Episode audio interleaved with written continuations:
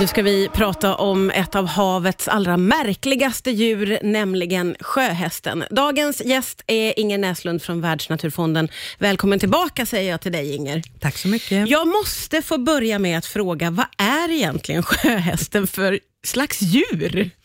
Ja, tror det eller inte, men sjöhästar är fiskar. Alltså detta visste inte jag. Nej, väldigt märkliga fiskar, för de ser ju inte riktigt ut som fiskar. Nej, de simmar ju på fel håll och är ju på... Allt är ju knasigt med dem. Ja, men de har gälar som Ja, okej. fiskarna. Ja. De alltså andas som fiskarna.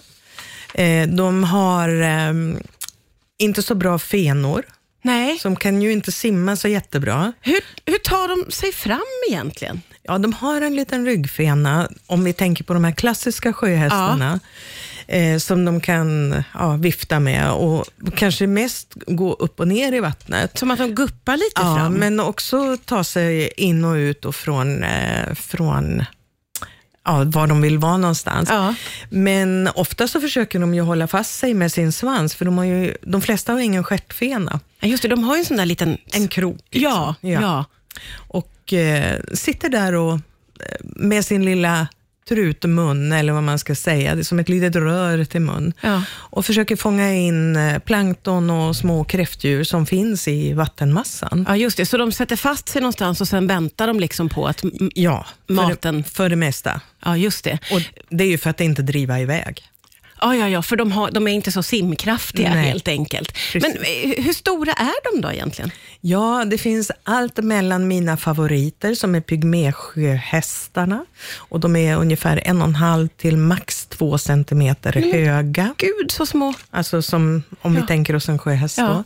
Och så finns det den storbukiga sjöhästen som kan bli 35 centimeter hög, så den blir ju rejäl. Oj! Men eh, de bor ju på lite olika ställen, så den här pygmésjöhästen bor i koraller. En speciell sorts korall som brukar kallas gorgonia, som är eh, inte så hård, men ändå inte en mjuk korall. Vi brukar kalla det för läderkorall.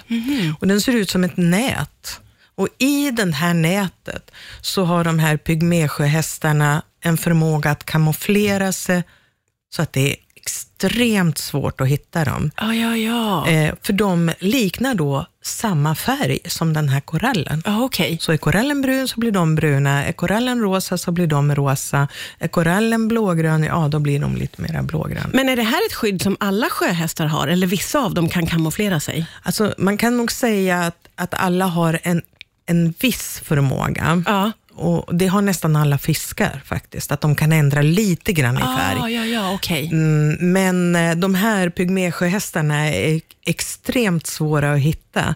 Eh, Jag hade turen att dyka eh, på Sulawesi i Indonesien, på ett område där de här skulle finnas. Och hade vi inte haft en guide, och då hade jag inte så dålig syn, Nej. men de är nästan omöjliga att se. När du väl ser dem, då Ja. hittar du flera. Ah. Men alltså, ögat måste vara tränat för att hitta dem. De är ju bara någon Ja, centimeter. de är ju pytte, pyttesmå, men de måste vara fruktansvärt gulliga då, tänker jag också, sin litenhet när du väl fick se en. Ja, åh, jag var överlycklig. Och sen det som skiljer dem, pygmésjöhästar, från andra sjöhästar, det är att sjö, pygmésjöhästen har bara en gäl springa på varsin sida, medan alla andra sjöhästar har två. Ah, Okej, okej. Idag har jag Ingen Näslund här från Världsnaturfonden. Vi får lära oss om sjöhästar. Och Det allra första jag fick lära mig är att de är ju fiskar. Det visste inte jag sedan innan. Eh, vi pratade om att du har ju fått dyka och se de här pygmésjöhästarna som finns. Eh, Sjöhästarna lever i tropiska vatten, är det så? Ja, tropiska eller varma tempererade vatten. Så det finns ju sjöhästar i algbälten också och i sjögräs. Ja, det, just det. Så att de finns på flera olika ställen. Men det är varma vatten, varma tempererade och tropiska vatten kan man säga. Vi pratade om att de flesta av dem kan kamouflera sig. Jag har också fått för mig att de är jättefärgglada, stämmer det? Ja, de här små pygmé... Ja, de har jag googlat på nu.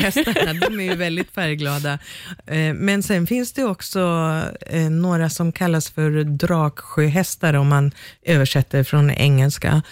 Och eh, de är också färgglada och de är ju större. De är ju kanske en 15 centimeter långa okej. då. Ja. Men de har också sån här kamouflering med, det ser ut som de har extra vingar eller ja, den här som eh, är mycket i algerna. Den ser ut som den har plockat på sig alger, fast det är deras kroppsdelar. Ah. Så de har Det är mycket med kamouflagen för de här är viktigt, djuren. annars blir Ja. man uppäten. Ja. Ska vi prata lite om familjebildningen? För den är lite speciell har jag förstått. Den är väldigt speciell. Man kan säga att sjöhästarna är världens mega hemmapappor. Är det så? Ja, för det är, eh, honan lägger äggen i en liten ficka som sjöhästhannen har, man kan säga i nedre delen av magen på svansen. Okej. Där lägger den äggen, eller honan äggen Ja. och sen befruktas de av hannen. Och sen är det han som bär omkring på de här äggen tills ynglen kläcks. Och när ynglen kläcks, då är det små mini, mini, mini sjöhästar Nej. som simmar ut ur de här små äggen. Och då simmar de iväg på egen hand? Då, då, då, är man liksom, Ja. då får man klara sig själv? Han är bara hemmapappa under tiden. Han liksom, man kan säga, eh, om man liknar det här med en graviditet som däggdjur har, Ja. Eh, alltså katter och hundar och alla möjliga, vi själva, då är det här det närmaste man kan komma eh, i fiskvärlden. Ja, ja, ja, ja, jag förstår. För att de bär omkring på sina ägg och sina yngel tills Ja. att de kläcks. Du, allt som du har sagt nu, att de, är, de flesta av dem är ganska små, de är inte så starka simmare, de har mycket kamouflage. Det låter som att de är väldigt utsatta för andra djur i havet. Ja, de är ju inte så jättestora. Om jag säger att den största är 35 centimeter lång, så den kan ju bli uppäten av en större fisk och det kan alla de här andra också bli. Så att det är många utav de mindre arterna och som är dåliga simmare, de litar helt på sitt kamouflage som skydd. Ja.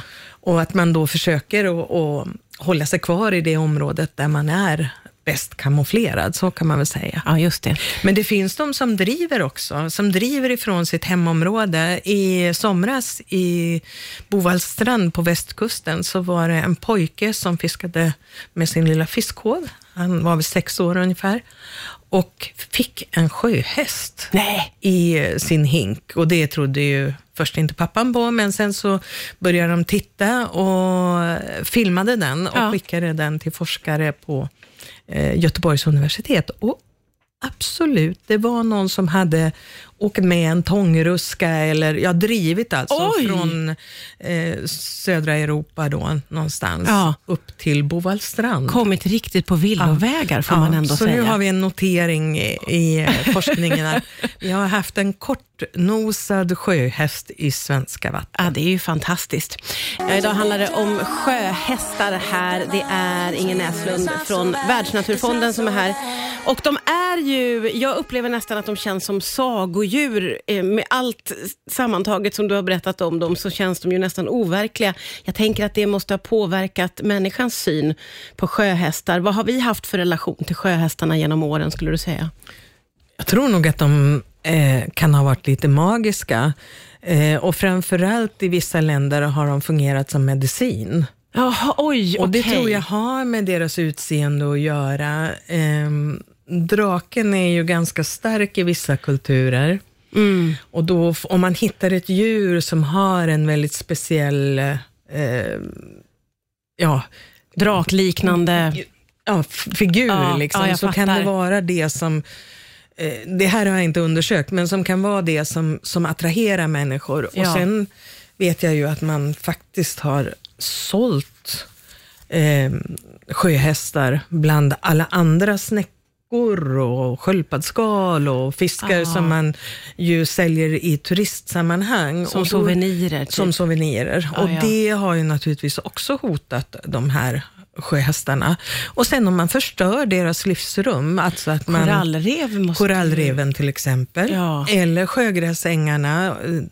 Det har vi ju på flera ställen runt om i världen. Mm. Och eh, mangrovrötter kan vara skydd för sjöhästar. Så att Ja, det är inte helt enkelt. Vi vet inte om de kan ha haft någon magisk eh, eh eller viktig del i ritualer hos eh, folk som lever nära havet också. Ja, nej, men det, det, vet vi ju inte. Men hur är situationen generellt då för sjöhästar? Är de hotade på det sättet? Väldigt många arter är hotade och eh, man försöker ju nu göra på olika sätt räddningsinsatser. Dels genom att skydda havsområden eller strandområden. De lever ju inte så djupt. De lever så här mellan ja, 5 och 25-30 meters djup. Ja.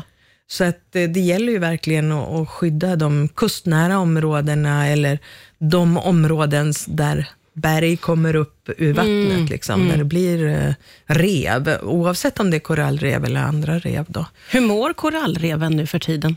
Ja, de mår inte så bra. Eh, vi, man uppskattar att vi redan har förlorat 50 procent av våra tropiska korallrev.